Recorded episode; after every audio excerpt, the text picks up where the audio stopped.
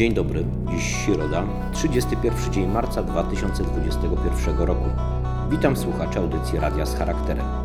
Naszymi gośćmi będą pani Gabriela Świtek, kierowniczka działu dokumentacji sztuki współczesnej w Zachęcie Narodowej Galerii Sztuki, kuratorka wielu wystaw. Pan Leszek Jodliński, historyk sztuki, muzeolog, wydawca, publicysta, opowie nam dziś o swej książce zatytułowanej Gliwiczanie w fotografii odświętnej portret mieszkańców Glajwic. Pan Bartosz Otorowski przetłumaczy i przeczyta bajkę hiszpańską. W dzisiejszym śniadaniu z mistrzem prezentujemy rozmowę z panem Andrzejem Sewerynem. Zapraszamy na stronę i na Facebooka Suplementu Kultury, a także do słuchania radia z charakterem. Serdecznie pozdrawiamy wszystkich słuchaczy.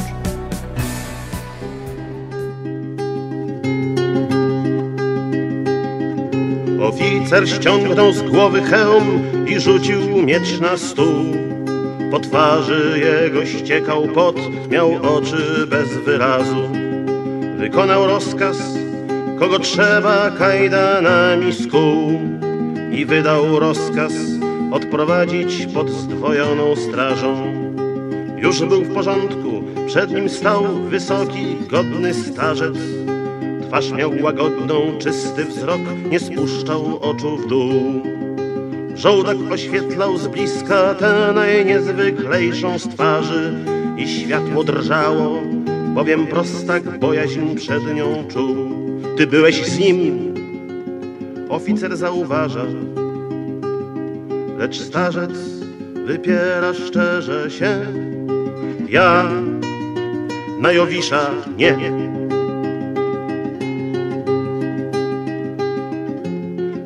Odprowadzany więzień stanął, stanęła jego straż.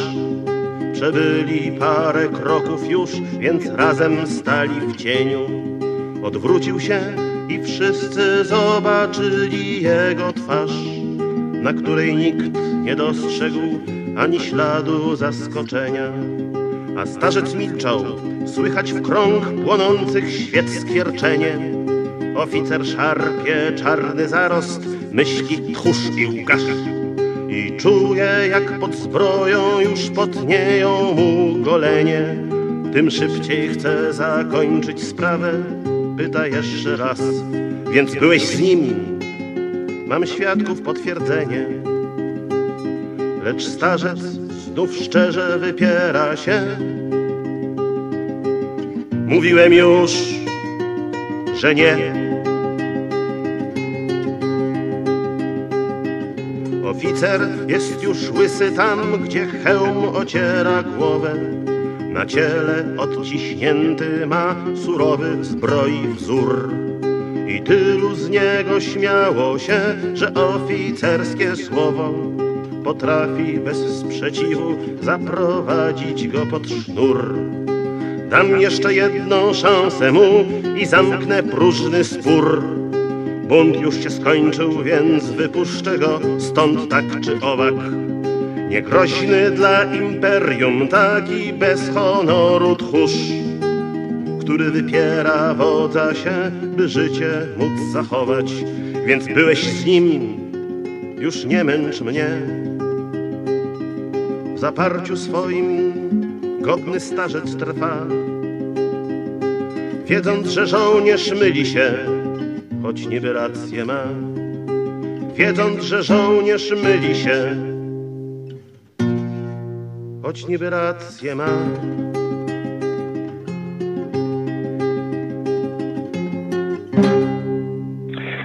Dzień dobry, a właściwie dobry wieczór. Tym razem wieczorną porą mam przyjemność po raz kolejny porozmawiać z panem Leszkiem Jedlińskim. Dobry wieczór panu. Dobry wieczór, kłaniam się. Mam w ręku pańską niezwykłą książkę, która mnie bardzo zachwyciła. Nie dość, że przepięknie wydana, niesamowite fotografie. E, tytuł książki Gliwiczanie w fotografii odświętnej, portret mieszkańców Gliwic. I tak jak pan napisał w wstępie, we wstępie, zna pan Gliwice, a nie zna pan ich mieszkańców. Czy to jest tych dawnych mieszkańców, nieobecnych? Czy to był pierwszy krok do poznania dawnych Gliwiczan? E, Tak, ja oczywiście ta, e, bym powiedział, e, we mnie ciekawość mieszkańców miasta narastała. Ona się bierze z prostego faktu, iż jak bardzo, myślę, wielu nadal w populacji mieszkańców tego miasta moje korzenie są korzeniami co najmniej rozpostartymi między kilkoma miejscowościami, miejscami, kulturami i historiami. E, I jako gliwiczanin w pierwszym pokoleniu, e, potomek przybyszy ze wschodu, e, miałem oczywisty problem w tym, żeby w jakimś sensie zobaczyć przeszłość miasta. Zawodowo bardzo szybko zobaczyłem ją przez architekturę. Ja byłem dosyć, można chyba tak powiedzieć, nietypowym dzieckiem patrzącym nie za bardzo pod nogi, co kończyło się często wywrotkami, ale gdzieś rozglądającymi się, rozglądającym się po fasadach domów. E, Oczywiście interesowały mnie drobiazgi typu rzeźby albo pewnie dziwne malownicze rzeczy, ale gdy minęły lata, pomyślałem, że tak naprawdę nadal pozbawiony rodzinnego albumu, on był bardzo skromny siłą rzeczy. E, Pomyślałem, jakby wyglądał taki wyobrażony trochę e, album zawierający portrety mieszkańców miasta mm, i mieszkańców, których, tak jak Pan powiedział, tak jak napisałem, tak naprawdę nie znałem, to znaczy e, nie miałem e, takiej codziennej możliwości otworzenia albumu i zobaczenia, jak wyglądałby e, ktoś, kto mieszkał w Gliwicach e, 100 lat temu, e, lat 150, e, czy nawet e, tylko 50. E, A poza tym odczułem coś, co mm, gdzieś było we mnie, to wyrosło na bazie literatury, która e, do Gliwic e, e, się odnosiła i nie tylko mam na myśli najnowsze rzeczy e, czy teksty pisane przez e, chociażby mm, Szczepana Twardocha, ale pewnie bardziej, to muszę uczciwie powiedzieć, wychowany na literaturze z okolic Falsta Bięka, pomyślałem, e, chcę zobaczyć, jak wyglądali ludzie, którzy wypełniali e, ulice tego miasta. I to był właściwie początek, pretekst. No jak pewnie już Pan wie, patrząc, e, czy, czy przyglądając książkę, jest zdjęcie, które wcale nie wybrałem, bym powiedział, e, e, w sposób, nazwijmy to, e, związany wyłącznie z kwestią kreacji y, książki, ale na jednej z pocztówek, bo kiedyś takowe też gromadziłem, tego już nie robię, e, zobaczyłem e, taką właściwie nie rzucającą się pozornie e, w oczy parę, w której, jak mi się wydaje, chłopiec idzie obok z wiejska e, ubranej gliwiczanki albo kogoś, kto mieszkał tuż pod Gliwicami. Pomyślałem, to jest pewien znak. On mi przypomniał właśnie opowieści Holstadnika i jego opowieści o tym, jak to chociażby gliwickie tramwaje były wypełniane przez ludzi o ogromnym kolorycie stroju, mowy, wszystkiego, co się składało na ten fascynujący świat. Pomyślałem, zobaczmy tych, tych Gliwiczan, no w sposób oczywiście sztuczny, to muszę od razu powiedzieć, albo jak nazwałem to książce świętny, czyli wówczas gdy stawali przed y, aparatem fotograficznym w atelier fotograficznym. No, więc w jakimś sensie byli na tą sytuację i gotowi i chcieli się pokazać światu no, najlepiej jak mogli, mając świadomość, że kolejna okazja szybko się nie powtórzy, no bo rzadziej, jak wiemy, te zdjęcia robią. I tak, tak się zrodziła ta książka.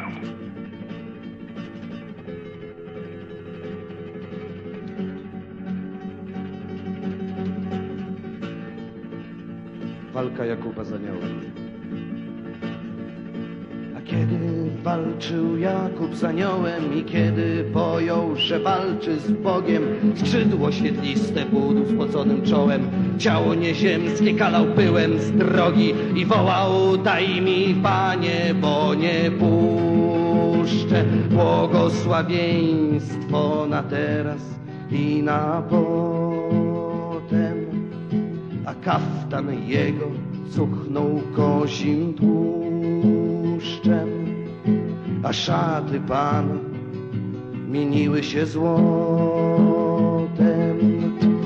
On sam zaś pasterz lecz o rękach gładkich w zapasach wołał. Łamiesz moje prawa i żądasz jeszcze, abym sam z nich zakpił.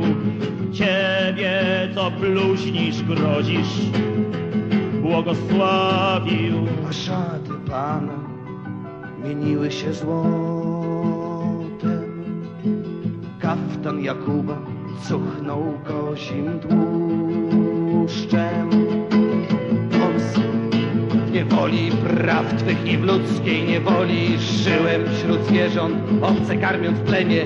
Jeśli na drodze do wolności stoisz, prawa odrzucę precz. A ja zmienię i w tym spotkaniu na bydlęcej drodze Bóg uległ Jakuba, błogosławił wprzód mu odjąwszy władzę w jednej nodze, by wolnych poznać po tym, że kulawi. Ta, e, ta pocztówka, ta ilustracja, o której Pan mówi, jest na stronie ósmej w Pańskiej książce. To ulica Zwycięstwa, widok na hotel górnośląski, na przebudowywany kościół Wszystkich Świętych. No i właśnie jakby w kadrze z prawej strony na dole ta para osób, e, rodzina, która jest ubrana w taki tradycyjny strój, właściwie z okolic podgliwickich. Prawdopodobnie tak. Mhm. Natomiast na stronie dziewiątej, y, jako historyk sztuki, jako dyrektor muzeum, zaczyna Pan pisać o osobie, która jest bardzo mocno z Gliwicami związana, ale jest też związana z początkami fotografii.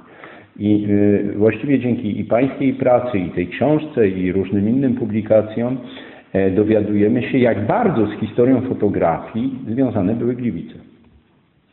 To prawda, mówimy czy myślimy o, o Wilhelmie von Brandowskim, e, człowieku, który tak naprawdę jest już, jest już na szczęście oddajmy ten hołd innemu e, ważnemu, też myślę należy powiedzieć, znaczy w mojej ocenie wybitnemu fotografowi związanemu z historią tej najnowszej, jeśli najnowszą jest to ukuta e, jako e, nowa e, fotografia w latach 50., 60. minionego stulecia osobie, czyli Jerzemu Leptyńskiemu, który pierwszy zdecydowanie zwrócił na niego uwagę Wilhelm von Blandowski, teraz już znany, jak zacząłem to mówić w Gliwicach, jakiś czas temu jeszcze nie, a postać nader, bym powiedział, zapoznana, jak mówią historycy sztuki, skoro do nich się odwołujemy, w Australii, gdzie właściwie uchodzi za e, nie tylko pioniera fotografii, ale powiedzmy pioniera fotografii użytej do celów naukowych, ponieważ e, właśnie na bazie jego zdjęć, to jest historia trochę bardziej skomplikowana, bo trochę nie wierząc w moc fotografii, tę fotografię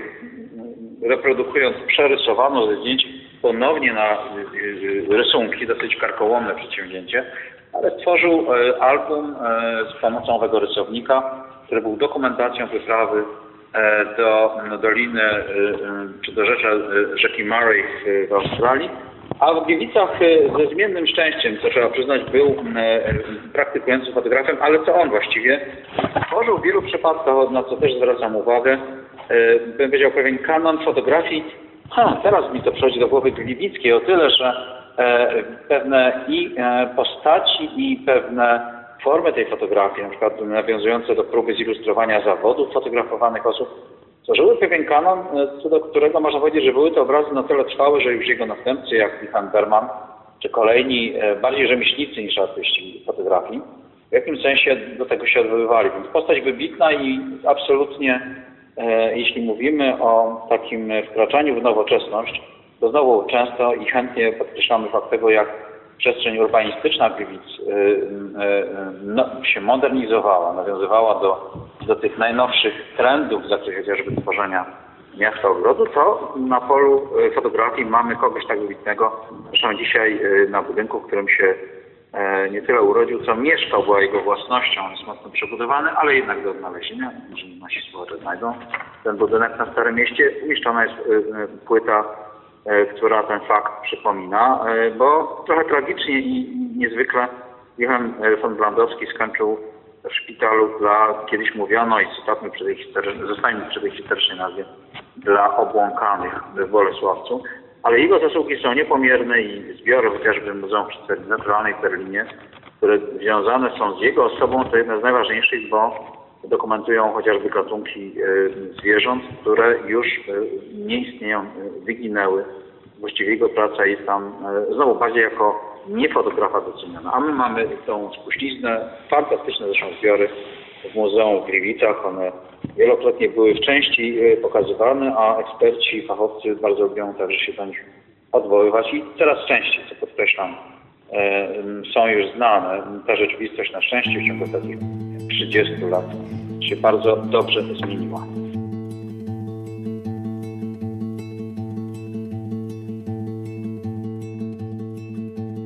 Wcale nie jest takie łatwe odłożyć dumną broń od mowy, buntu rozpaczy szybką szablę, hełm, który od posłuchu chronił, pióropusz pieśni narodowych, ostrogi krzywd nienaprawionych.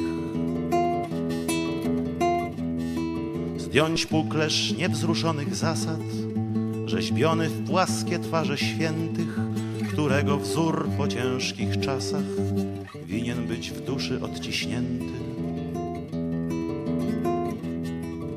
To wcale nie jest takie łatwe. Zamknąć z poczuciem, że na zawsze arsenał środków ostatecznych, proch samopalny, cierpień lądy, do argumentów wszystko siecznych. To wcale nie jest takie łatwe zwinąć ostatnich redut mapę. Bo kwestią wielkiej jest odwagi w lustrze obojętnego światła zobaczyć się bezbronnym, nagim istotą w istotrojowisku, otwartą ręką przyjąć zakład o zawsze bezlitosną przyszłość. Nie wierząc w sens zbiorowej wiary, nie gardzić rasą jej wyznawców, codziennie skromne kłaść ofiary w chramach bóstw ograbionych z blasku. To wcale nie jest takie łatwe. To wcale nie jest takie łatwe.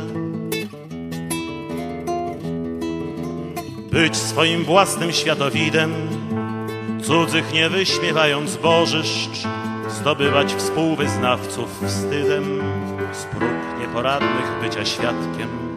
Bo przecież trwa noc długich noży, choć dziennym się maskuje światłem.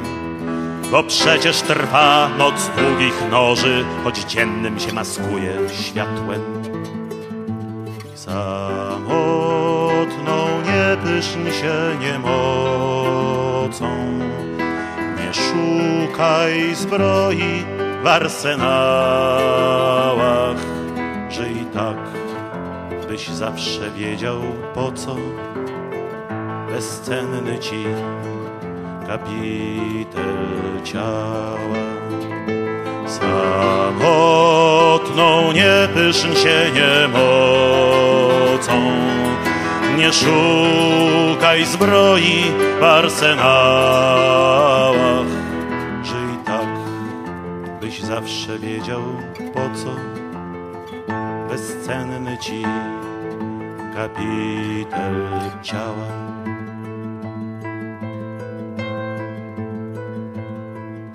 To wcale nie jest takie łatwe.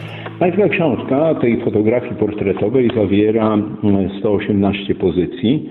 E, Pierwszy portret e, z roku 1879, a ostatnie zdjęcie to z okolicy roku wojennego 43.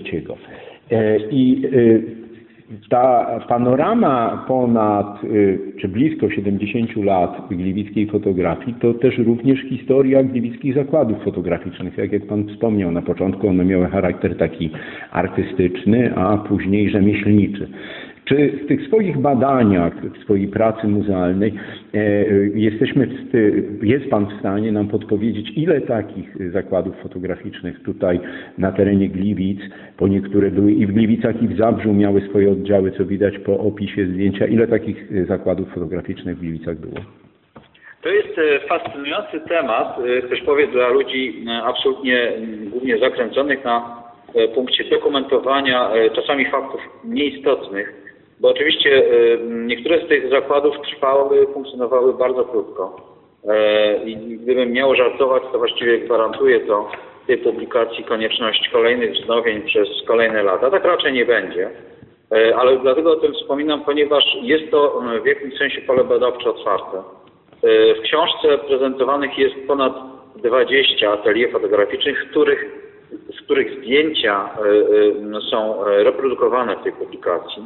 Ja przy okazji tych swoich badań e, zidentyfikowałem około siedmiu e, pracowni fotograficznych, które atelier studiów fotograficznych, te nazwy się oczywiście w trakcie e, rozwoju fotografii zmieniały ten zakres, również to podkreślmy przy okazji, bo one zaczynały od klasycznej fotografii portretowej, a kończyły, uwaga, ukłon stronę chociażby inteligencji technicznej, kiedyś Glajwicy, dzisiaj także w tym sensie e, miasta Gliwice, ale tej tradycji technicznej związanej głównie kiedyś z górnictwem e, i, i mm, kanałem e, m, tutaj gliwickim, a więc na przykład reklamowały się jako zakłady, które wykonują reprodukcję dokumentacji technicznej, a więc próbowano, mówiąc językiem współczesnym, bardzo poszerzać, dywersyfikować ofertę. Ale tych zakładów w takim razie można powiedzieć, że jest e, przeze mnie zidentyfikowanych około blisko 30. E, e, Nadal, i to jest fascynujące, mm, spotykam się z nie tak dawno, zresztą jeszcze w swoim zgubnym nałogu kolekcjonowania zakupiłem jedno ze zdjęć, które się pojawiło na, na aukcji w Niemczech. E, Fotografa, który w ogóle do tej pory, a znam nieźle także zbiory muzealne Muzeum Gliwickiego, e, w kolekcji tego muzeum nie występuje, a więc pewnie jest to otwarta księga do pisania przez kolejne lata. Co więcej, bo e, to przy okazji spotkań e, z czytelnikami e, się pojawiło i jest tematem bardzo atrakcyjnym, choć niezwykle trudnym. E, Pytanie o obecność kobiet w tym zawodzie e, jest e, e, równie, e, bym powiedział, wyjątkowym wyzwaniem, e, co dzisiaj jeszcze nie podjęte. Mnie się udało zidentyfikować trzy takie zakłady fotograficzne, ale właściwie nie są one obecne w tej książce inaczej niż przez fakt przytoczenia ich nazw. Ale można już powiedzieć, to też tego jestem pewien, e, na to pozwalają mi moje e, e, badania, że panie także w tym zawodzie, zwłaszcza w okresie dwudziestolecia międzywojennego, zaczęły być bardzo aktywne, kiedy oczywiście ten charakter fotografii, jak powiedziałem, się zmienił od nadal portretowej przez reprodukcję, reprodukcję e, uznanych e, dzieł sztuki. Każdy chciał mieć czasami coś równie wybitnego w, w swoim domu, po właśnie zadania, nazwijmy to czysto e, dokumentacyjne, e, e, reprodukcyjne, którymi wówczas e, te atelier się za- zajmowały. A więc ta książka to przytoczenie trz- blisko 30 nazw, 30 adresów, i oczywiście fantastycznej prawidłowości. Ona jest e, pewnym e, e, pokazaniem takiego kontinuum e, e, trwania, jeśli nie ludzi, to zawodów i przyzwyczajeń, bo można powiedzieć, że właściwie owe adresy atelier fotograficznych są jak rodzaje, m, rodzaj m, wyznaczników e, tego zawodu w przestrzeni takiej symbolicznej miasta. Nie zmieniają się te adresy, zmieniają się, czy zmieniały się głównie nazwiska i osoby, e, które w tych m, pracowniach funkcjonowały, często zresztą przejmowane w bardzo taki także symboliczny sposób, też powie, e, ze świadomością konieczności m, poszerzania grona swoich klientów, bo nowi właściciele bardzo chętnie także przejmowali w trybie różnych licytacji, jeśli zakłady upadały z powodu bankructwa, to także licytacji sądowej, wszystkich płyt czy reprodukcji odbitek szklanych zdjęć, mając nadzieję, że dziedziczą nie tylko miejsce, które gdzieś wryło się, wpisywało w pamięć mieszkańców, ale także zasoby, które, mm, tak mieli taką nadzieję, myślę, e, niepłonną, oznaczały także przyjmowanie klientów i fakt tego, że będą do tych zakładów, e, pomimo owych zmian, chętnie powracać.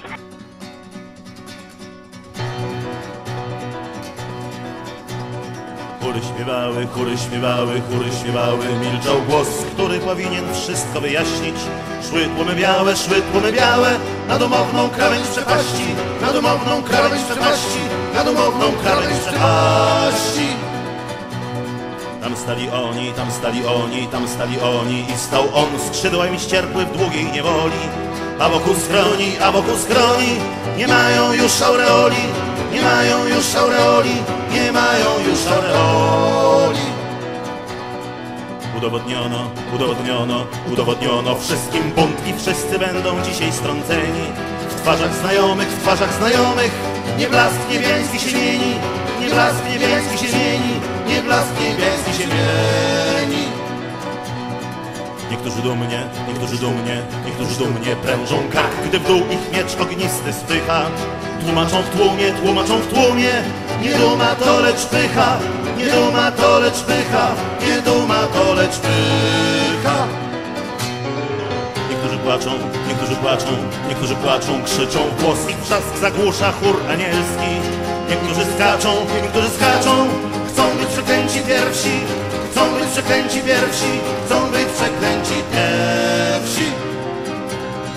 Ostatni spadnie, ostatni spadnie, ostatni spadnie, pierwszy z nich czerniejąc w locie pogoronem. Po nim zostanie, po nim zostanie, wiel tłumu głos stłumiony, wiel tłumu głos stłumiony, wiel tłumu głos stłumiony. Egzekucja, więc egzekucja, więc egzekucja dokonana Anioł szatanem nazwie brata Na chwałę Pana, na chwałę Pana, na chwałę Pana, na chwałę Pana I wieczną rozpacz świata, i wieczną rozpacz świata I wieczną rozpacz świata Dzień dobry, w imieniu uczniów Szkoły z charakterem mam przyjemność przywitać panią Gabrielę Świtek. Dzień dobry pani. Dzień dobry. E, Mam przed sobą e, książkę pani Grunt i Horyzont, interpretacja nowoczesnej architektury i sztuki. Studiowała pani w Warszawie i w Wielkiej Brytanii na Uniwersytecie w Cambridge. Mm. I mam takie pytanie, e, kiedy pani się rozgląda z tego doświadczenia historyka sztuki, do, historyka architektury i patrzy na to, co wytworzyliśmy na gruncie tutaj nad Wisłą, między Gdańskiem a Tatrami, Bugiem, Zamościem a Zieloną Górą i to, co widać w innych krajach i to, co żeśmy na tym gruncie wybudowali i co tworzy nasz horyzont, to czy to jest estetyczne? E, To jest ciekawe, że bardzo często e, w rozmowach o architekturze czy też o budowaniu pada to pytanie o estetykę. A mnie bardziej frapuje tutaj pytanie, które dotyczy e, etyki i tego, po co tworzymy architekturę, komu, czemu ma służyć.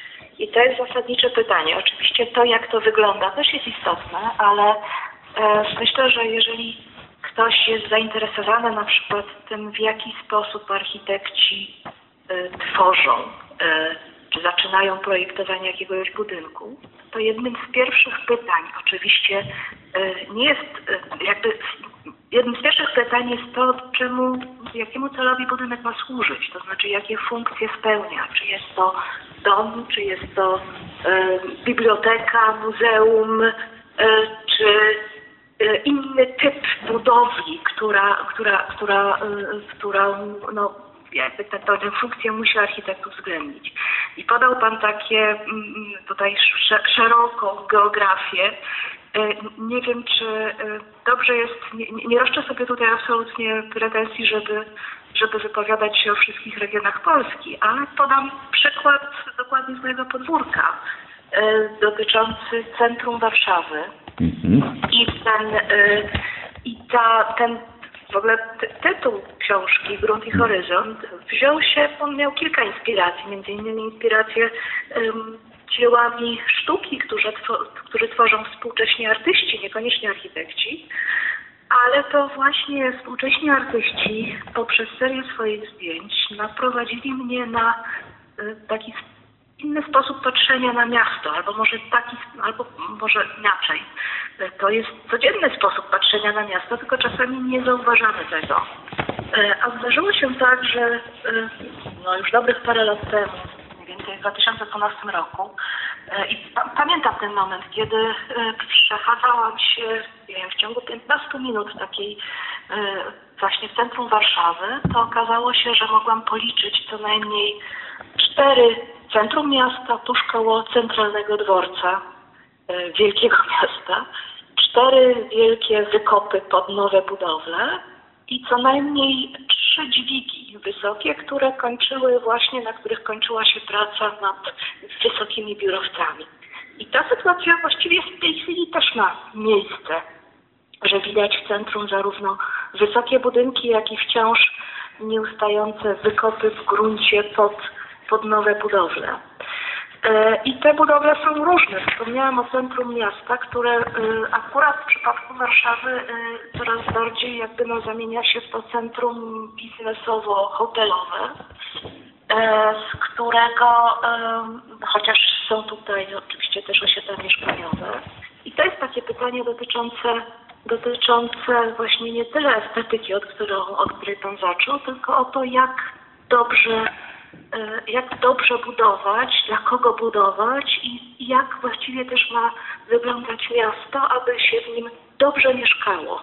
Dobrze oznacza też oczywiście estetycznie, ale y, tu nie tylko o y, urodę fasad chodzi. To długa moja wypowiedź, więc trochę zabrało czasu, ale mam nadzieję, że to trochę przybliżyło taką formułę myślenia o architekturze, o estetyce, ale także o etyce architektury.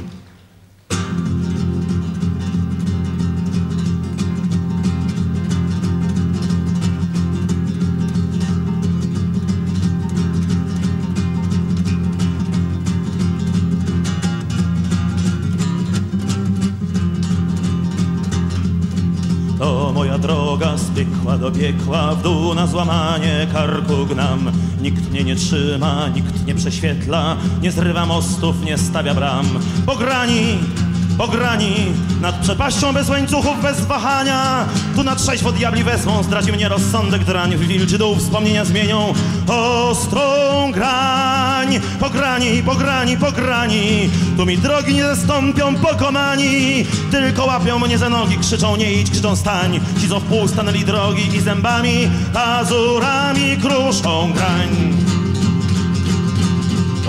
Droga z piekła do piekła, przepaść na łeb, na szyję skok. Boskiej kałębi nowy przekład i w pierwszy krąg piekła pierwszy krok.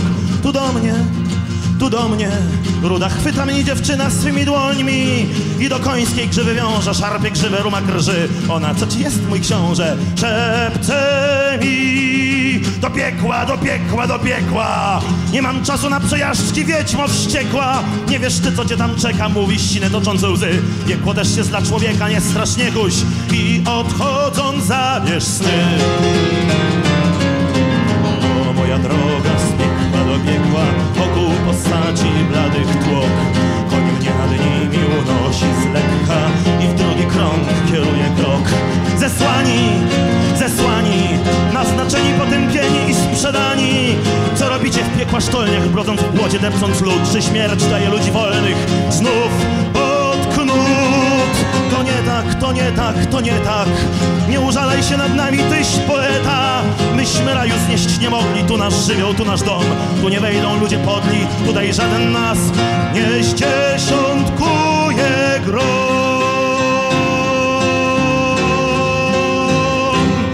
Ani bagien mokradeł i śnieżnych ból rozpal w łaźni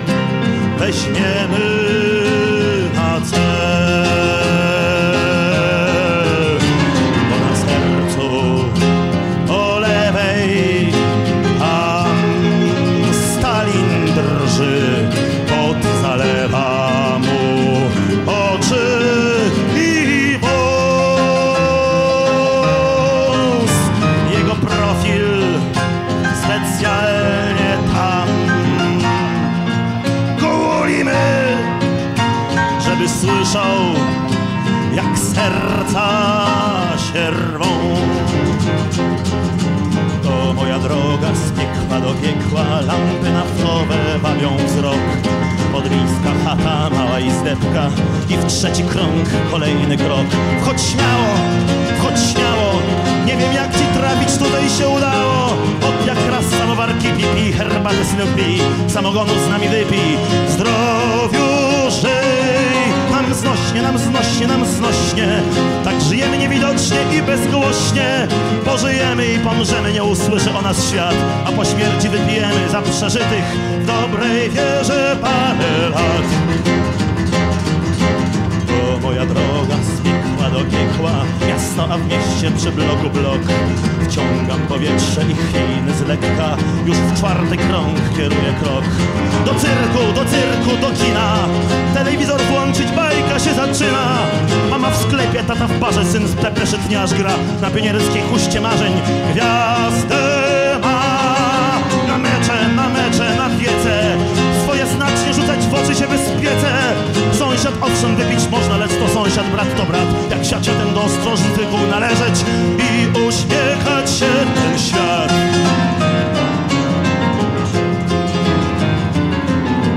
O moja droga z piekła do piekła Na scenie Hamlet, skłuty bok Z którego właśnie krew wyciekła. To piąty krąg, kolejny krok.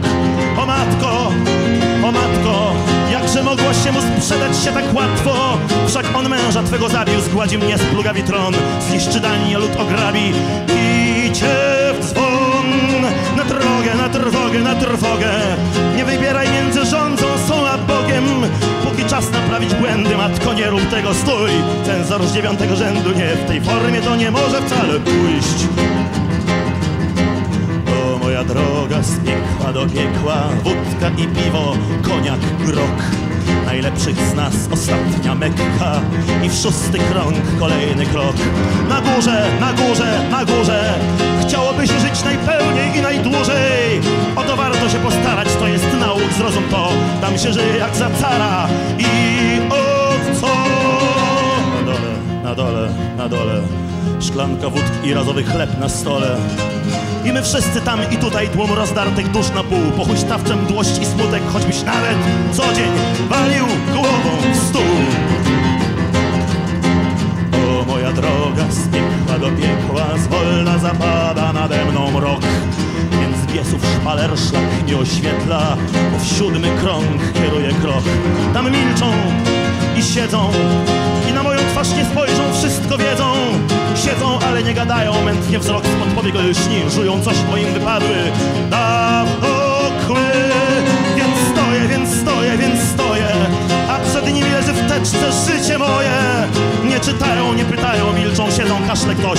A za oknem werble grają, znów parada, święto. Albo jeszcze coś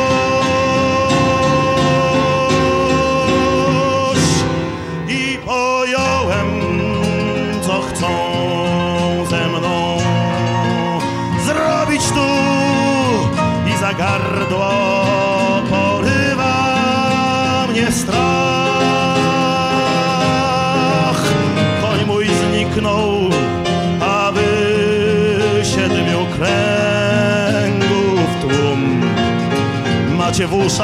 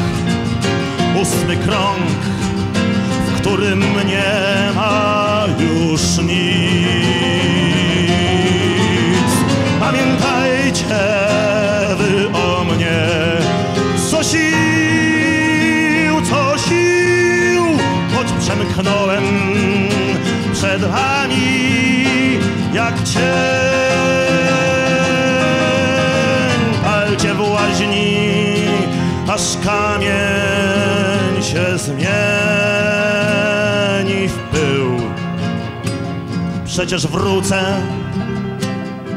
gdy zacznie się dzień. Trzymając się właśnie tej Pani sugestii, przejdźmy od estetyki do etyki i trzymając się miasta, któremu Pani poświęciła chwilę, e, w Warszawie i w Pani książce jest to rozdział, część dziewiąta, horyzont i ugruntowanie pamięci. Przenieśmy się na Muranów i e, właśnie jest to pytanie etyczne bardzo silne, bo mamy nowoczesną dzielnicę mieszkaniową, tak jak Pani powiedziała, zabudowę konkretnie z e, czymś takim jak budownictwo mieszkalne, e, budynki użyteczności publicznej, które znajdują się w miejscu e, nie tylko polskiej, ale światowej historii. Jak sobie wtedy z tą etyką właśnie budowanej czy zabudowywanej przestrzeni poradzić?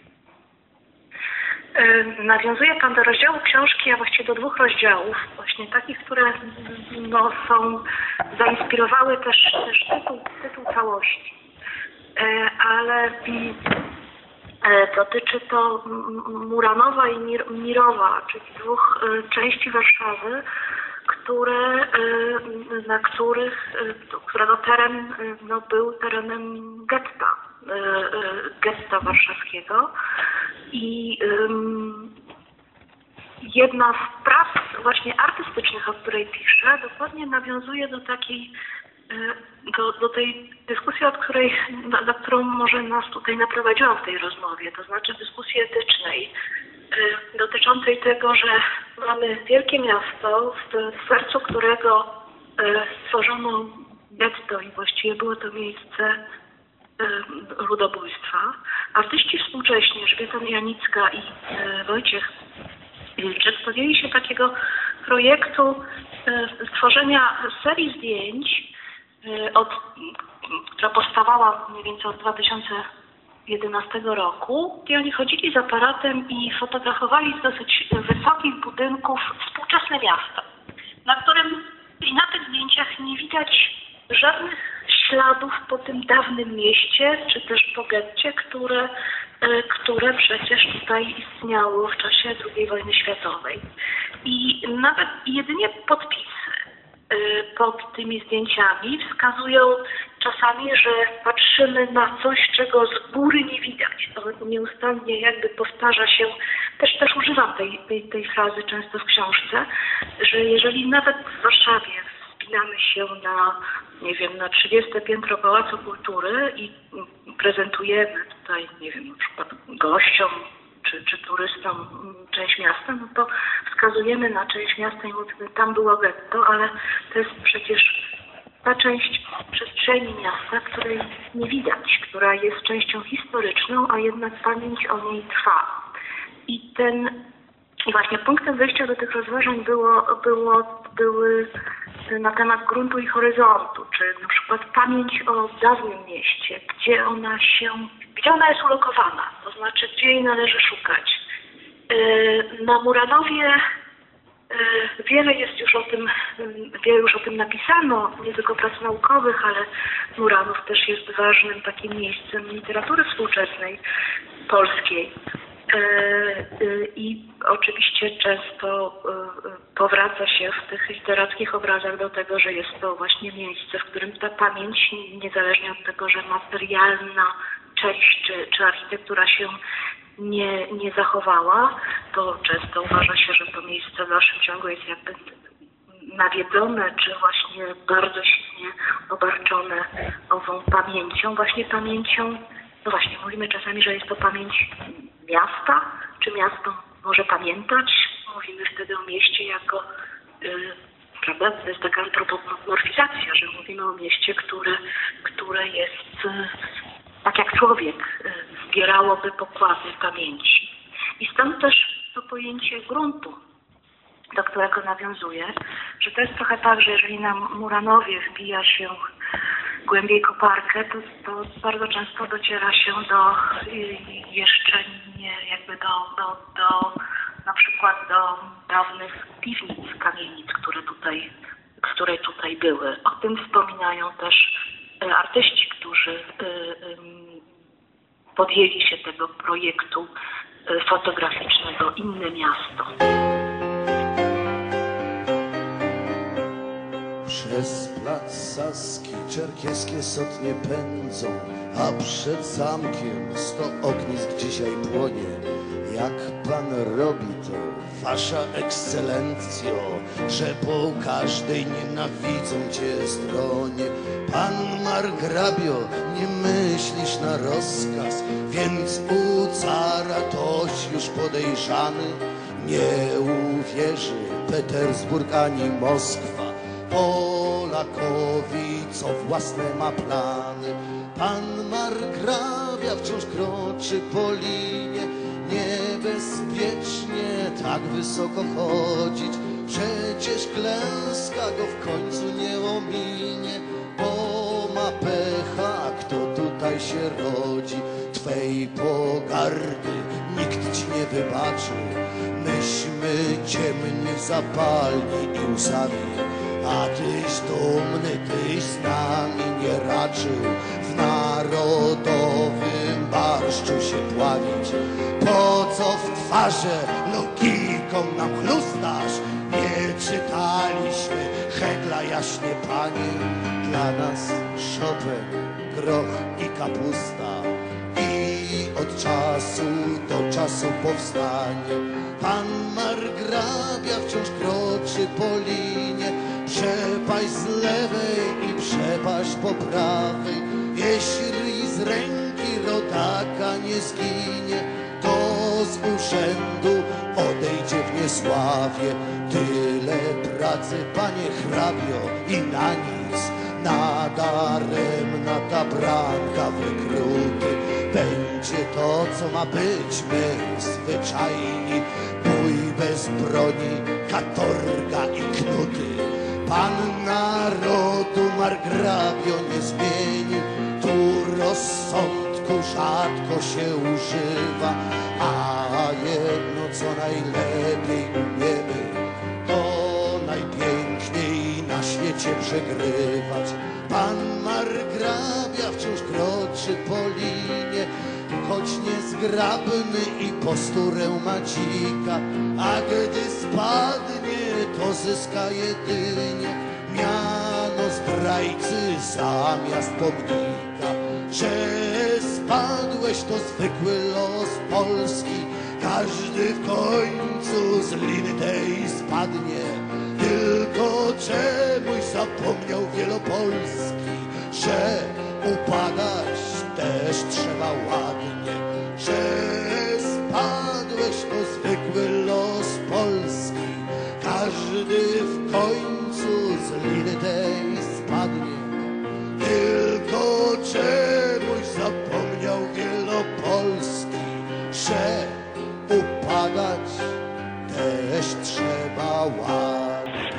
Bo kiedy jesteśmy przy tych e, wartościach nie estetycznych, a etycznych i, i kiedy każde miasto, no mówiliśmy tu o Warszawie, ale myślę, że każde miasto dźwiga jakąś swoją tajemnicę, to w szóstym rozdziale e, pisze Pani o czymś takim jak atmosfera w architekturze, atmosfera jako pewien wzorzec, wyznacznik architektury. Czy architekci, czy ci, którzy współtworzą tą przestrzeń współczesnego y, y, świata, nie tylko polskiej architektury, światowej architektury w różnych krajach, czy oni wyczuwają tą atmosferę właśnie, czy architektura potrafi sobie poradzić z tą atmosferą wielu miejsc, y, bo przecież inna atmosfera będzie, tak jak żeśmy już wspomnieli, ta i estetyczna, i etyczna. W Warszawie inna będzie w Gliwicach, których my mieszkamy, gdzie się przenika e, historia polsko-niemiecka, gdzie się Wiele pojawia kultur, tak. tak.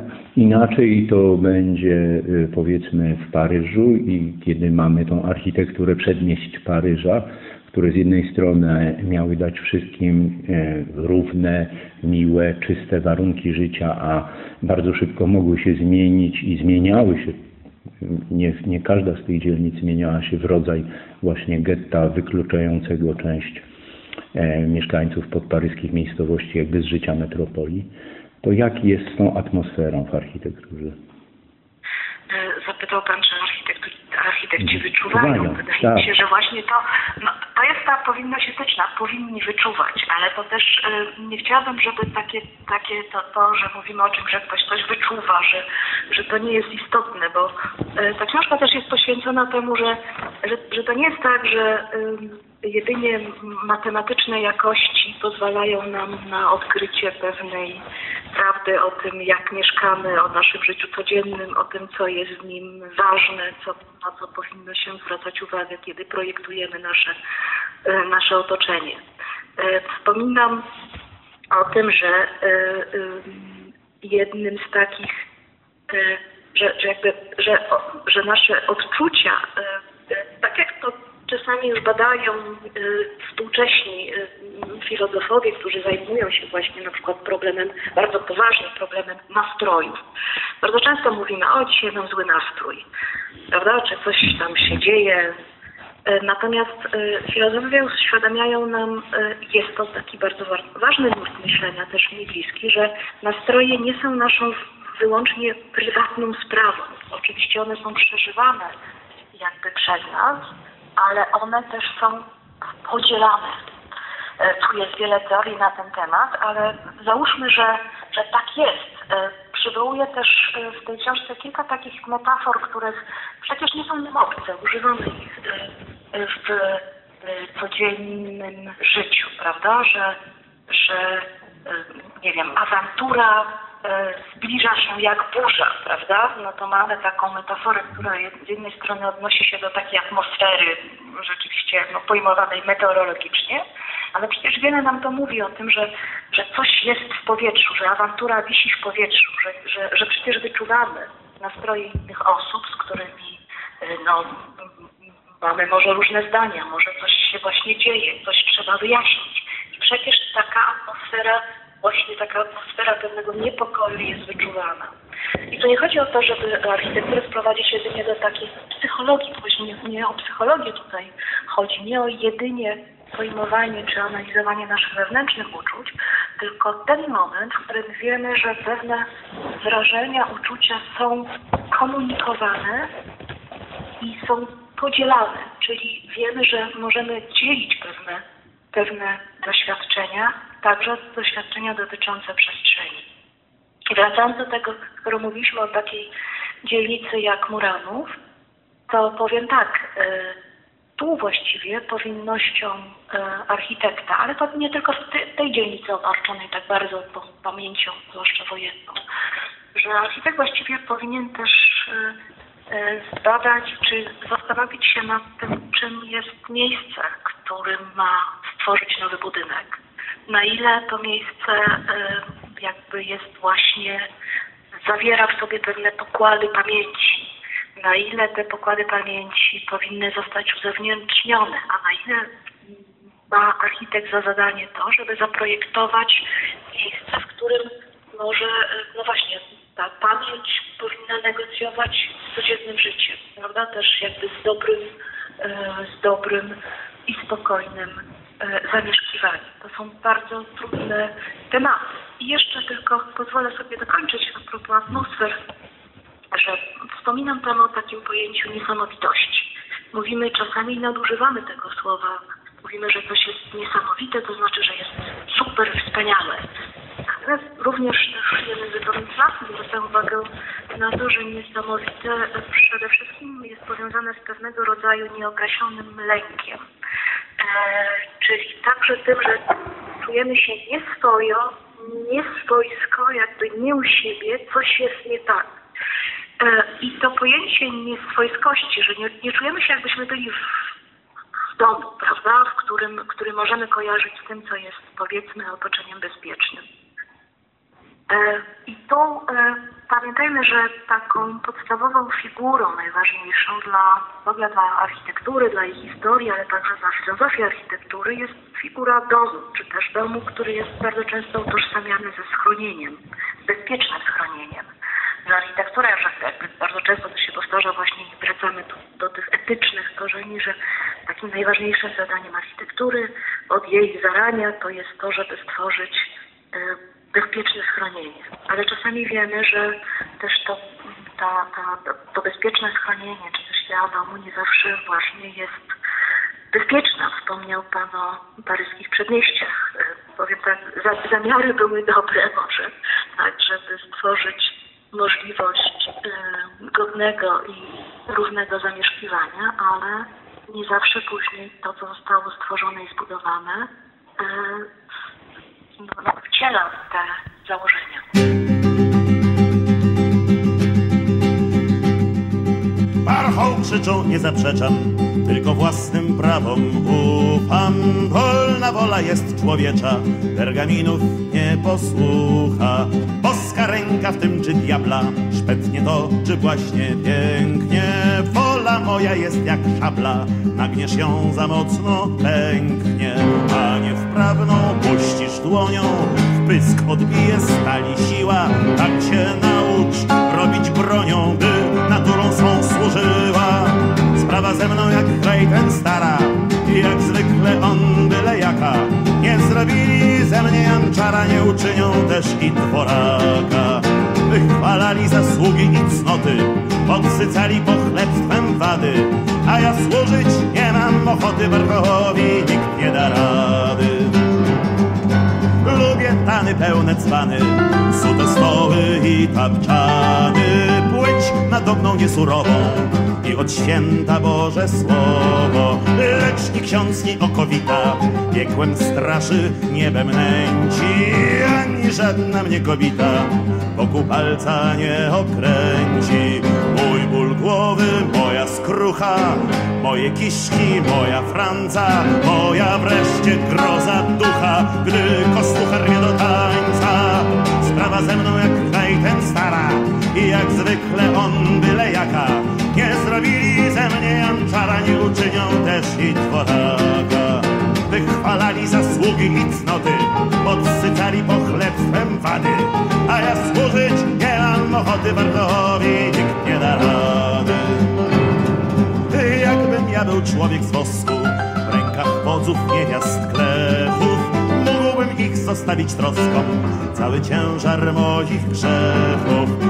Ale znam tych stróżów mienia, sędziów sumień prawdy zakon, spekulantów odkupienia, poznam siebie jako tako, ulepiony i pokuty, niepotrzebny będę więcej, rzucą w ogień dla pokuty i umyją po mnie ręce.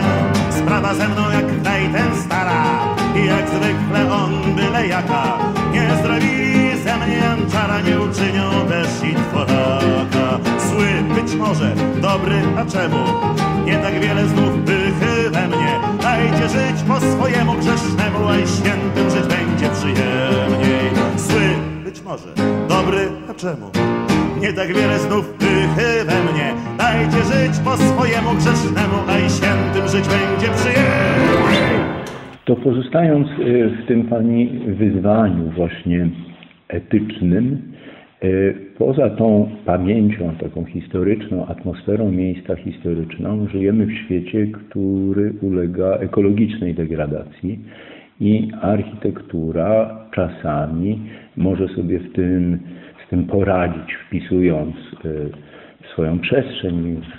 Pani tutaj y, w 12 rozdziale mówi o takim budowaniu wokół drzewa, czyli czy budowaniu domu, czy jakiejś przestrzeni architektonicznej, bardziej urbanistycznej.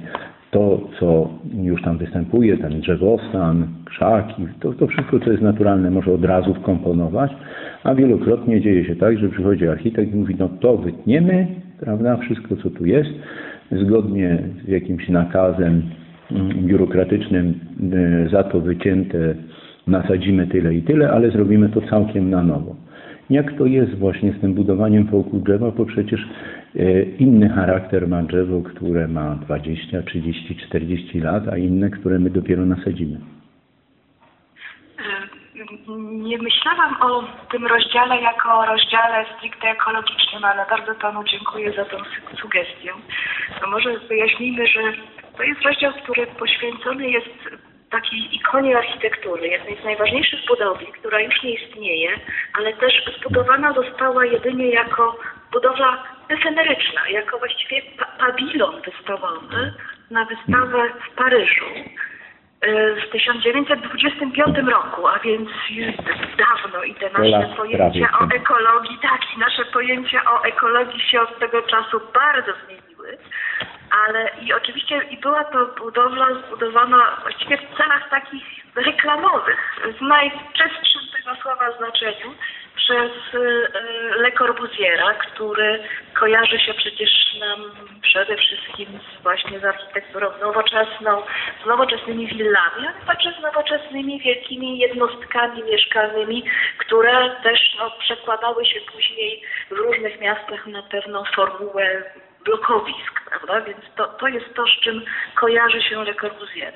Natomiast ten y, zbudował on w Paryżu i to na terenach wystawowych, właśnie przeznaczonych do, do, do prezentowania różnych form architektury, rzemiosła, wnętrz.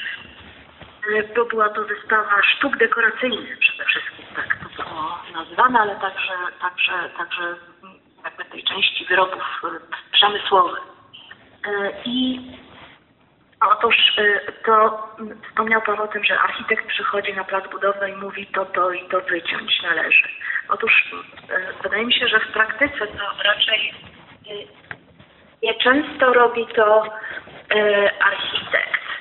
Tylko właściwie to, to, to architekt nie, nie, na ogół nie jest odpowiedzialny za to, co się dzisiaj współcześnie dzieje na placu budowy.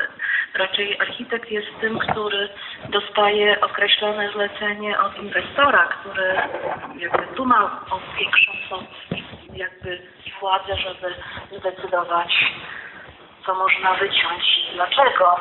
Ale to już na razie zostawmy. Natomiast tam w Paryżu w 1925 roku, czyli prawie 100 lat temu, architekt Le Corbusier, który później stał się tym, e, no nie wiem, e, jednym z najpotężniejszych architektów światowego modernizmu, e, dostał taki fragment od organizatorów wystawy, dostał taki fragment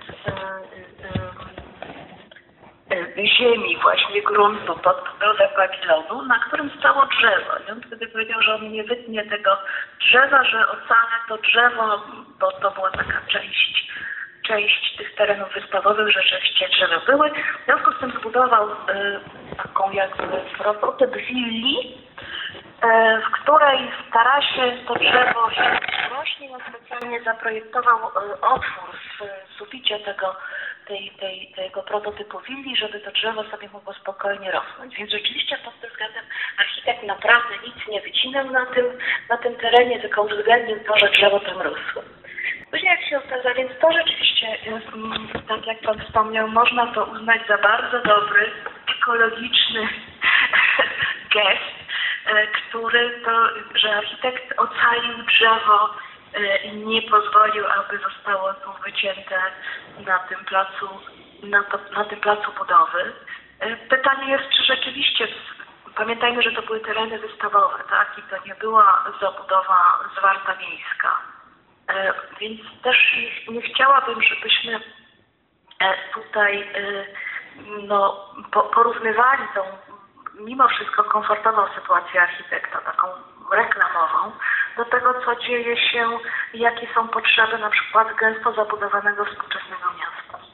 Ale też z drugiej strony wiemy, że, że e, jeżeli myśli się o mieście i wspominam o centrum Warszawy, no bo je też najlepiej znam, prawda, czy mogę obserwować często, co tutaj się dzieje, to rzeczywiście częściej, ma, ma się wrażenie, że częściej właśnie, tak jak już wspomniałam, widzę wykopy pod wielkie budowle, czy, czy pod wielokondygnacyjne e, e, garaże podziemne i wysokie tutaj dźwigi budujące kolejne biurowce.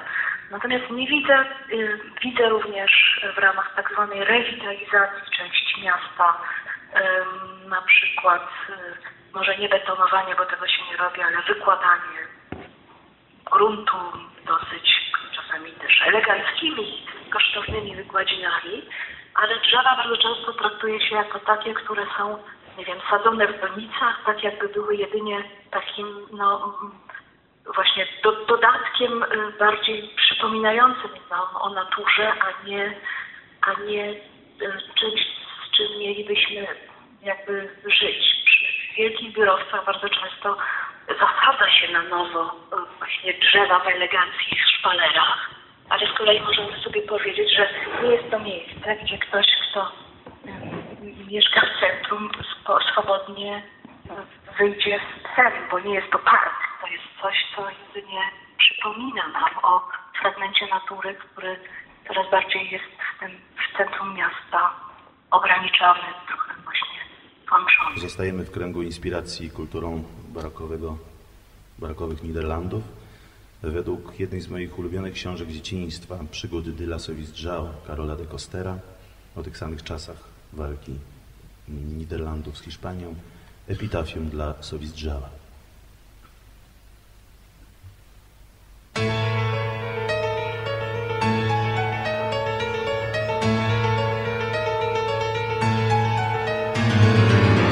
Twego domu ktoś oddaje moc. Dziedzinę twoją ma za szalet. Do okien ci zagląda stale dzień i noc Ty z tego drwisz.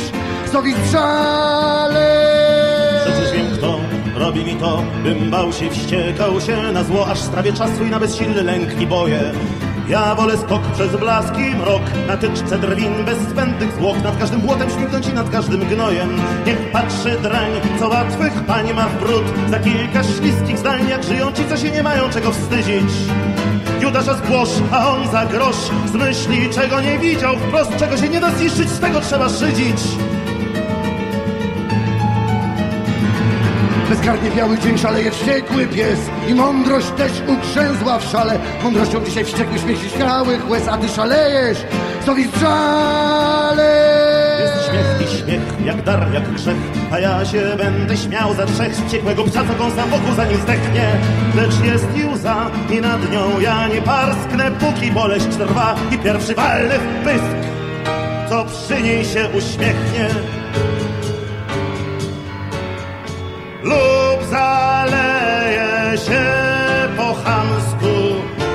uczcie ślepców wezmę udział i jak pijak dam się zamknąć w pierwszej lepszej budzie.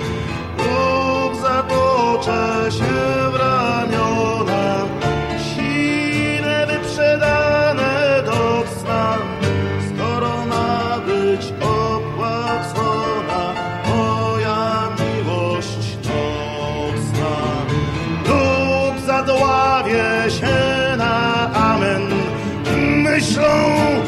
nic nie sprawi, aż mi w końcu pozostanie codzienna nienawiść. Na linię tańczysz już podciętej z obu stron Nad tłumem uskrzydlonych chwale. Gdy spadnie, skiniesz i nie zabrzmi nigdy dzwon nad twoją gwiazdą. Sowiec szale Gonimy czas, czas goni nas. Chłoszcze po piętach raz po raz I nie nadzieja każe pozbyć się wytchnienia.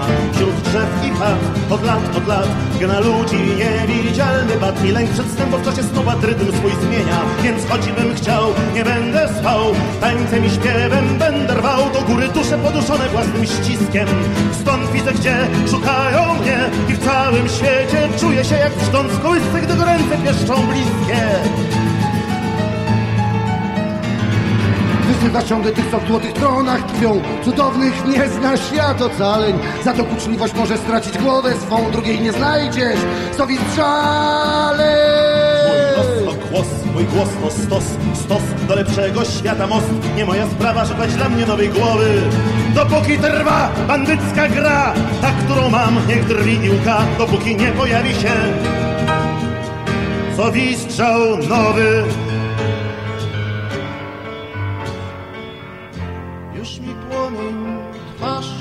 Osmalił, już się zbiera gwar na gawieć. Już się inkwizytor chwali, paląc ku poprawie. Już do domu dymem wracam, szarpie drzwiami zhańbionymi. Matka ściera łzy przy pracy, bo jej w oczy dym. Już i popiół wygasł w chłodzie, ale nisko wymieciono krąży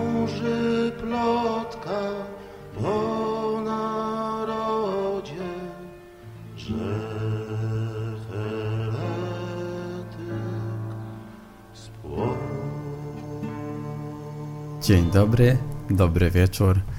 Witam Was wszystkich e, bardzo serdecznie. Dziękuję, że e, kliknęliście e, w tę bajkę, w to kolejne spotkanie z językiem hiszpańskim za sprawą bajek, które są nie tylko dla dzieci, ale również dla dorosłych, ponieważ są bardzo interesujące morały, skłaniają do jakiejś refleksji, a także pozwalają nam poznać język hiszpański. W takim razie zaczynamy. Bartosz Otarowski z tej strony. Dzisiaj e, bajka pod tytułem La Bobina Maravillosa, czyli cudowna, cudowna nitka, Bobina to, moi drodzy, jest dosłownie oznacza, yy, to jest włóczka, tak? E, z specjalną, specjalną yy, szpulka, ze specjalną nicią, ponieważ była to wyjątkowa szpulka. I wy dowiecie się za chwilę, co się działo w tej historii. Hubo una vez un rey poderoso y noble que se preocupaba por la prosperidad de su reino y el bienestar de sus, sus subditos. Był sobie pewnego dnia pewien bardzo potężny i dobry król, który martwił się e, o swoje królestwo i o to, żeby jego poddani dobrze się czuli. Tenía un único hijo heredero que era opuesto a él, pues se pasaba el día sin hacer nada. Miał jedno dziecko, które było dziedzicem, jednego syna, ten król, który był zupełnym jego przeciwieństwem, więc cały dzień zamiast pracować nie robił nic. El príncipe era un vago, redomado y perezoso, hasta decir basta. Nasz książę był takim człowiekiem bardzo, bardzo leniwym, bardzo leniwym. Nie chciało mu się robić nic, tak? Był niechlujem, był niedobrym człowiekiem i uwielbiał sobie robić nic, dopóki ktoś nie powiedział basta, czyli koniec. No le interesaba la política, odiaba estudiar y tampoco se ocupaba de las, ocupaba de las tareas que le encomendaban. Nie interesowało go ani polityka, nienawidził się, nienawidził się uczyć i także nie interesował się zadaniami, które dostawał do zrobienia.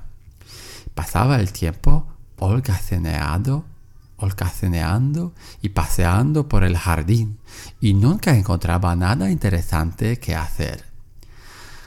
Mijał czas, kiedy on nie robił nic, spacerował sobie po ogrodzie, nigdy nie miał nic interesującego do robienia. A menudo se aburría como una ostra y se quejaba de la situación.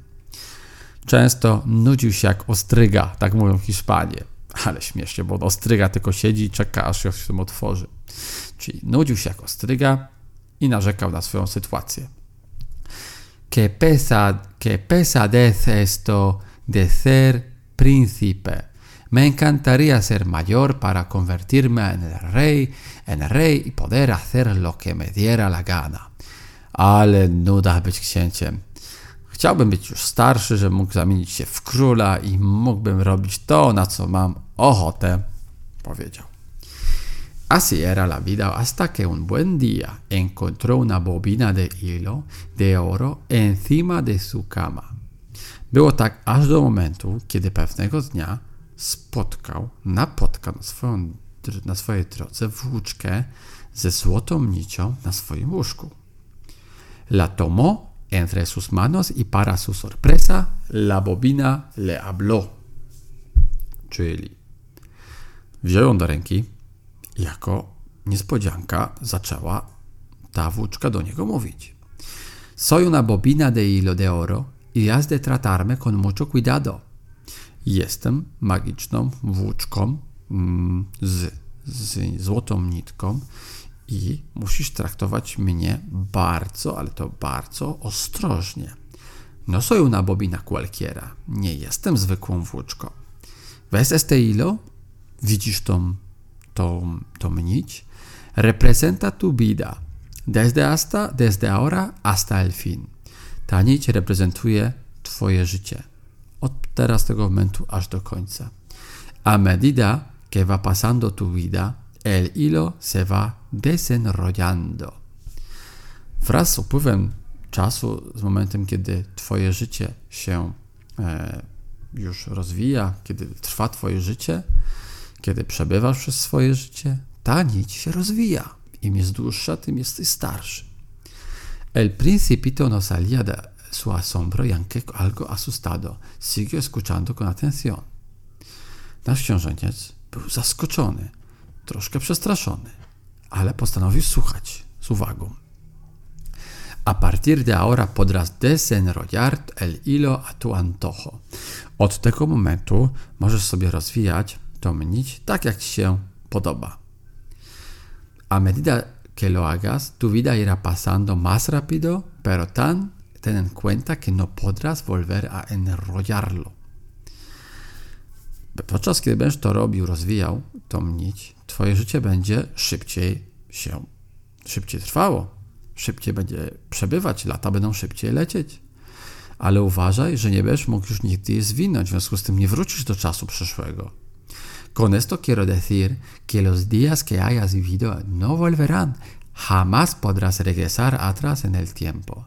Chcę ci przez to powiedzieć, że życie że życie i dni, które już przeżyłeś, przeżyłaś, już nigdy nie wrócą. I nigdy nie będziesz mógł cofnąć czasu. El joven estaba confuso e intrigado. ¿Sería verdad lo que la bobina le estaba contando?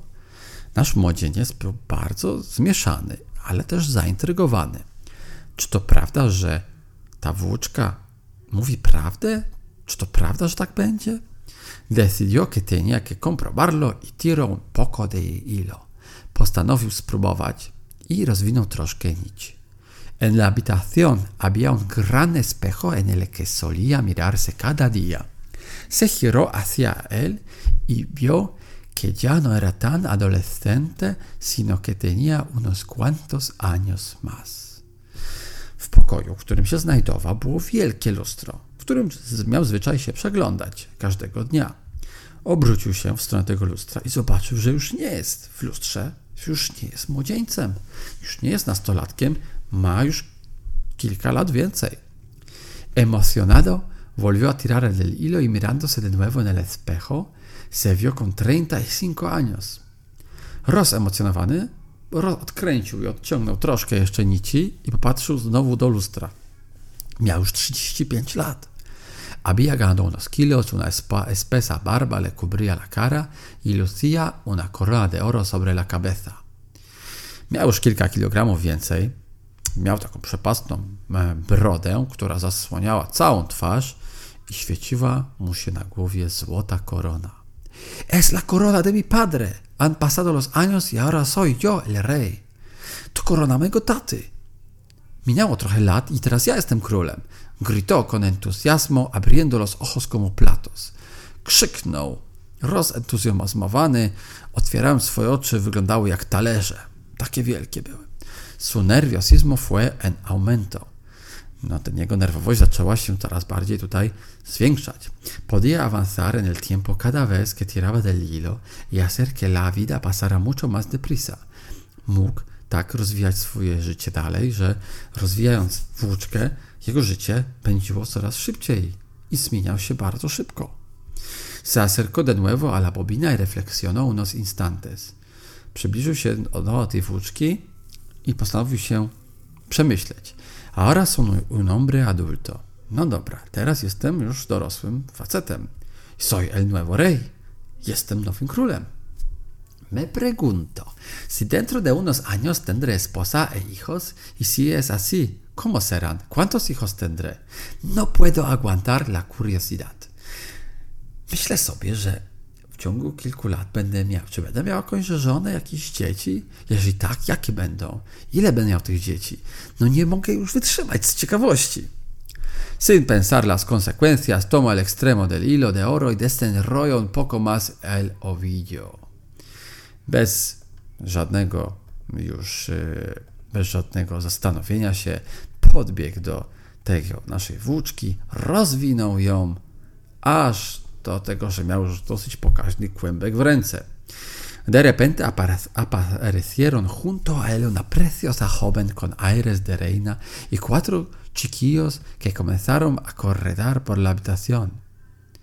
W momencie, w odbiciu, pojawiła się piękna młoda kobieta, która wyglądała jak królowa, czwórka dzieci, które zaczęły biegać po całym pokoju. Increíble! Mi mujer es bellísima y los niños son igualitos a mí. Niesamowite. Moja kobieta jest przepiękna, a dzieci są takie jak ja. Me preocupa que crezcan sanos y fuertes. Neces necesito saber qué será de ellos cuando sean mayores. Martwi mnie tylko to, czy będą silne i zdrowe. Muszę dowiedzieć się więcej. Co, jak będą wyglądać, jak będą starsi. Ansioso, sus dedos tiraron el del hilo y los años pasaron de golpe. No to zakręcił znowu, podekscytowany tym jego, tą włóczką i jego palce poruszały się, złapały za tą nić i lata przeleciały jak z bicza trzasu. Su mujer tenía el pelo completamente blanco, sus hijos ya eran unos hombres hechos y derechos. Kobieta, jego żona, królowa, miała już całkowicie siwe włosy, a jego dzieci były mężczyznami, tacy wielkimi i prawymi. Fue entonces cuando cayó en la cuenta de su error y se puso a temblar cuando el espejo se devolvió su reflejo. W tym właśnie momencie zdał sobie sprawę, jaki wielki błąd popełnił. Zaczął się cały trząść, kiedy podszedł do lustra, bo zobaczył swoje odbicie. Ya no era un joven, ni siquiera un hombre de mediana edad. Już nie był ani młody, ani człowiekiem w średnim wieku, mężczyzną w średnim wieku. Era un anciano, con la cara cubierta de, su, de arrugas, las manos hues, huesudas y la espalda encorvada. Był już starcem. Miał twarz pokrytą w marszczkach, zmarszczkach, jego kościste ręce i przygarbione plecy. Cada vez que había tirado del hilo, su vida había dado un salto hacia adelante, tal como le había advertido la bobina. Za każdym razem, kiedy kręcił naszym tutaj włóczką, jego życie dawało wielki skok do przodu, jeśli chodzi o lata, tak jak, tak jak mówiła i tak jak go ostrzegała nasza włóczka. Le invadió una enorme angustia. Nagle nieprawdopodobna, nieprawdopodobny e, udręka, nieprawdopodobny lęk go całego posiadł. Con lágrimas en los ojos vio que, que en ella quedaba muy poco hilo. Płacząc, zobaczył, że w, na wóżce zostało bardzo mało nici. Pues su vida estaba llegando a su fin. Tak więc jego życie już dochodziło do końca.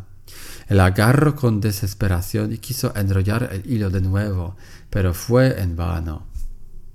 Niestety, próbował jeszcze, cały był zdesperowany, próbował jeszcze naciągnąć, nawinąć na, to, na tą e, włóczkę tą, tą nić, ale na próżno. No había ninguna posibilidad de regresar a la hermosa juventud que había desperdiciado. Nie było już żadnej możliwości do tego, żeby wrócił do swojej przepięknej młodości, która zniknęła już, której tak nie, nie doceniał. Completamente abatido, escuchó la suave voz de la bobina. Całkowicie już taki załamany usłyszał głos naszej włóczki. Tú lo has querido. Chciałeś tego. Tenías una vida llena de lujos, oportunidades para aprender. Miałeś życie, które było pełne luksusu, miałeś wiele możliwości, żeby się uczyć. No te faltaba de nada, pero tú no hacías más que quejarte. Nie brakowało ci nic, ale jedyne co robiłeś, to narzekałeś i skarżyłeś się. Te avisé que si tirabas del hilo para avanzar en el tiempo, no podrías volver atrás. Mówiłem ci o tym, że jak będziesz ciągnąć za tą nitkę, żeby przesuwać czas, nie będzie już powrotu do poprzedniego stanu. Al, pero la impaciencia y el deseo de vivir sin hacer nada de provecho se han vuelto contra ti. Ale twoja niecierpliwość i ta chęć, żeby, żeby żyć w taki sposób, że łatwo, lekko i przyjemnie i żeby nie musieć wiedzieć, się męczyć i tego przeżywać, tylko od razu wskoczyć do tego czasu, bo miałeś taki, taką ciekawość, to wszystko obróciło się przeciwko tobie. El viejo rey se derrumbó. Cabizbajo y arrastrando los pies, salió al jardín para vivir el escaso tiempo que le quedaba. Stary król załamał się całkowicie, ze spuszczoną głową i ciągnąc, włócząc za sobą nogi, wyszedł do ogrodu, żeby zobaczyć, i przeżyć te ostatnie chwile, które mu zostały. No cóż, nie każda bajka kończy się pozytywnie. Ta bajka niestety skończyła się dosyć smutno. Wychodzi wszystko na to, że jesteśmy teraz młodzi i piękni, jakimkolwiek byśmy nie byli wieku. Mamy swoje przeżycia, a często chcemy być już starsi, chcemy wiedzieć, co się wydarzy w przyszłości. Nie mamy cierpliwości do tego wszystkiego. Chcemy to już natychmiast. Chcemy mieć odpowiedź w natychmiastowym momencie. Od razu. A tak nie zawsze się da, bo jeżeli byśmy tak mogli zrobić, to zobaczcie, ile byśmy stracili. Stracilibyśmy te cudowne dni, takie jak dzisiaj. Stracilibyśmy niesamowitą możliwość cieszenia się życiem i uczenia się, popełniania błędów, ale też przeżywania tego wszystkiego. Zabrano by nam to bezpowrotnie, tylko dlatego, bo nie mieliśmy cierpliwości poczekać. Czy to nie jest tak, że w naszych życiach jest podobnie? Że chcemy być już starsi, że chcemy mieć wcześniej już coś, nie możemy się doczekać, chcemy przeskoczyć sobie jak w jakiejś grze kilka levelów do przodu. Wolimy oszukiwać niż ciężko pracować, pójść na skróty. No właśnie ta bajka nas tego uczy, żeby tak nie robić. Że jakiekolwiek miałoby być to życie, to najpiękniejszą jest tu i teraz. Przeszłości już nie zmienimy, nie wrócimy do niej nigdy. Możemy myśleć tylko o przyszłości i o tym, co się dzieje teraz. Dlatego, moi drodzy, bardzo ciekawa bajka do refleksji. Porozmawiajcie o niej z rodzicami, zastanówcie się nad tym. Dziękuję Wam za dzisiaj i do następnego razu. Korzystając z okazji, chciałbym Wam życzyć wesołych świąt wielkanocnych, ponieważ nagrywamy ten odcinek tuż przed Wielkanocą. Może w okresie świątecznym natchnie nas chwila refleksji, żeby docenić to, co już mamy. Trzymajcie się zdrowo. Dziękuję za wszystkie e, wyświetlenia, za wszystkie odtworzenia naszych materiałów. Dziękuję, że jesteście z nami. Najlepszego. Pa, pa.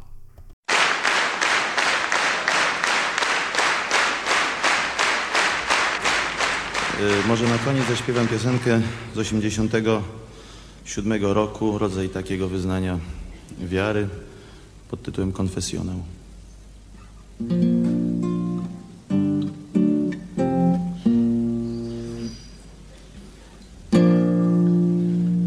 Będzie pochwalony Jezus Chrystus. Formuły tej nauczył mnie przyjaciel. Myślałem o spowiedzi w formie listu, lecz słowa napisane brzmią inaczej. Nie zmusza mnie do tego próżność, trwoga, ciekawość, nawyk, nastrój tej świątyni. Nie wierząc w Boga, obraziłem Boga grzechami następującymi. Za prawo me uznałem to, że żyję. Za własną potem wziąłem to zasługę. I co nie moje, miałem za niczyje. Więc brałem, nigdy się nie licząc z długiem. Uznałem, że mam prawo sądzić ludzi. Dlatego tylko, że mam tę możliwość, poznawszy sposób, jak sumienia budzić, zbierałem obudzonych sumień żniwo. Bogactwo zła, którego byłem świadom, było mi w życiu tylko za ostrogę. Cierpieniem cudzym żyłem i zagładą, gdy cierpieć ani ginąć sam nie mogłem. Stworzyłem świat na podobieństwo świata, uznawszy, że na wszystko mam odpowiedź. Lecz nie wyjąłem misy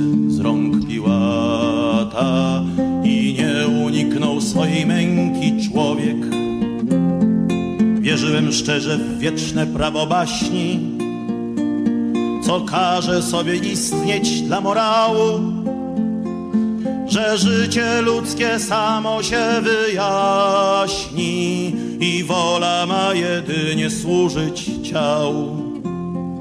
więc nazywałem szczęściem nieodmiennie to, co zadowoleniem było z siebie. I nawet teraz bardzo mi przyjemnie, że tak we własnych wątpliwościach grzebie. Bo widzę, że ta spowiedź to piosenka, dla siebie ją samego wykonuję. To też grzech, więcej grzechów nie pamiętam, ale tego jednego nie żałuję, bo widzę, że ta spowiedź to piosenka. Dla siebie ją samego wykonuję, to też grzech. Więcej grzechów nie pamiętam. ale tego jednego nie żałuję.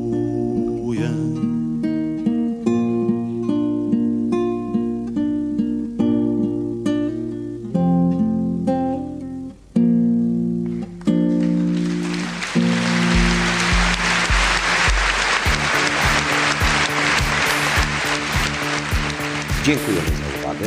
Zapraszamy do słuchania kolejnej audycji Radia z charakterem. A wszystkich słuchaczy z zagranic naszego kraju zapraszamy do kontaktu mailowego. Podaję adres radio z charakterem małpa protonmail.com. Pozdrawiam serdecznie naszych słuchaczy, życząc wszystkim miłego dnia i spokojnej nocy. Do usłyszenia.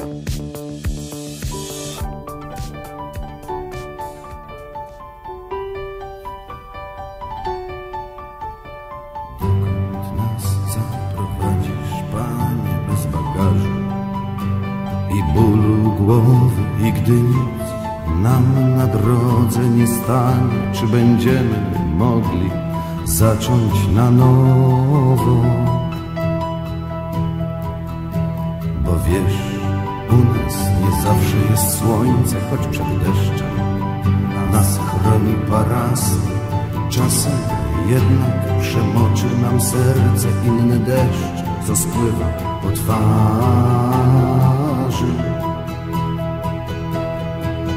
Więc nas zabierz bez tych uśmiechów codziennie rano, zostawianych na lustrze i bez śniadania, w pośpiechu, by zdążyć na kolejny autobus do jutra.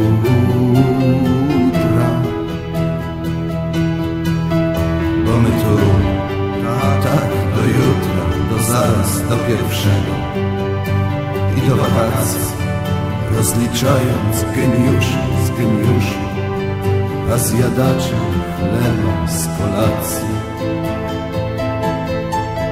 Więc już jutro zaprowadź nas, Panie, bez bagażu i bólu głowy, i gdy nic nam na drodze nie stanie, spróbujemy zacząć od nowa. Dokąd nas zabrał. bólu głowy, dokąd nas zaprowadzisz, Panie, bez bagażu i bólu głowy, dokąd nas zaprowadzisz, Panie, bez bagażu.